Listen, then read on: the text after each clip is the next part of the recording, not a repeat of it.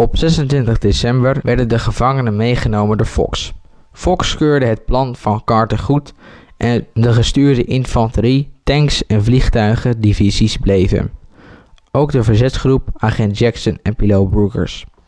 Op 27 december, rond 6 uur 's avonds, kwam een Britse geheim agent, Gregor, vragen om een onderdak. Hij beweerde Luciens te bespioneren, maar gesnapt te zijn en nu te vluchten. De volgende ochtend werden Carters troep onverwachts aangevallen door de troepen van Luciens. De onverwachtheid zat de Duitsers in het voordeel, want niet lang na de aanval had Luciens de bunkers in handen.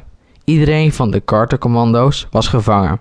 De verzetsmensen, Brookers en agent Jackson ook, behalve Kruger en Tischler, zij wisten te ontsnappen. Carter was een van de eerste die ondervraagd werd. U bent Luciens niet. U bent Hans Guten, zei Carter toen hij de verhoorruimte binnenkwam. Dat klopt, ja. Kijk eens wie we daar hebben.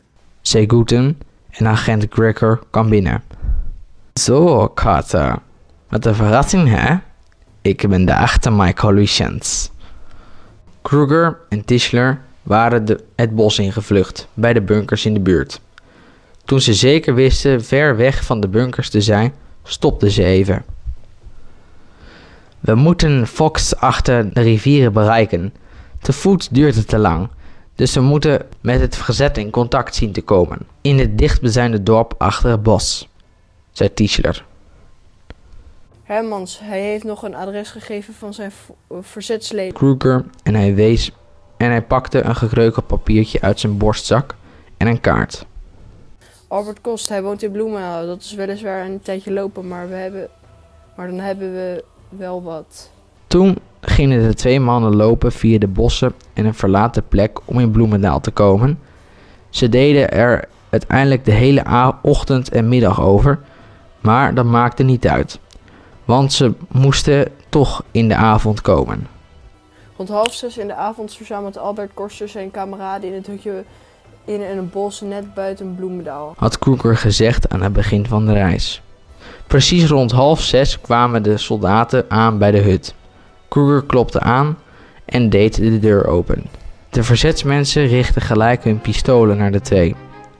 Rustig maar, we zijn liberators. Liberators? Boven de rivieren? vroeg een van de verzetsmensen. Wij zijn op missie gestuurd om generaal Michael Luciens te verslaan. Alleen we hebben een klein probleem. We moeten over de rivieren zien te komen. We hebben jullie gevonden via een Vivian Hermans. zei Kruger en hij hield het papier omhoog. We hebben jullie morgen nog de Rijn over. Maak je maar geen zorgen, zei Koster en hij ging gelijk mensen regelen. De volgende dag gingen Kruger en Tischler in Burger naar de trein. Jullie moeten eruit bij Utrecht. De persoon die jullie zou oppikken zal jullie aanspreken met: Hebben jullie hout voor de kachel? Dan antwoorden jullie met: De kachel brandt al. Dan weet hij dat jullie het zijn. En zo verliep het ook. Tischler en Kruger gingen eruit bij Utrecht. Ze werden door ene van Bos aangesproken met: Hebben jullie hout voor de kachel? En Kruger antwoordde: De kachel brandt al. Van Bosch reed hen uiteindelijk met een auto naar de Rijn, waar Fox de twee aan de overkant opwachtte, want die hadden de twee uiteraard al ingelicht. Nu zullen we met alle mannen die hebben aanvallen. Nu gaan we een eind maken aan Luciens, zei Fox toen Tischler en Kruger de overkant hadden bereikt.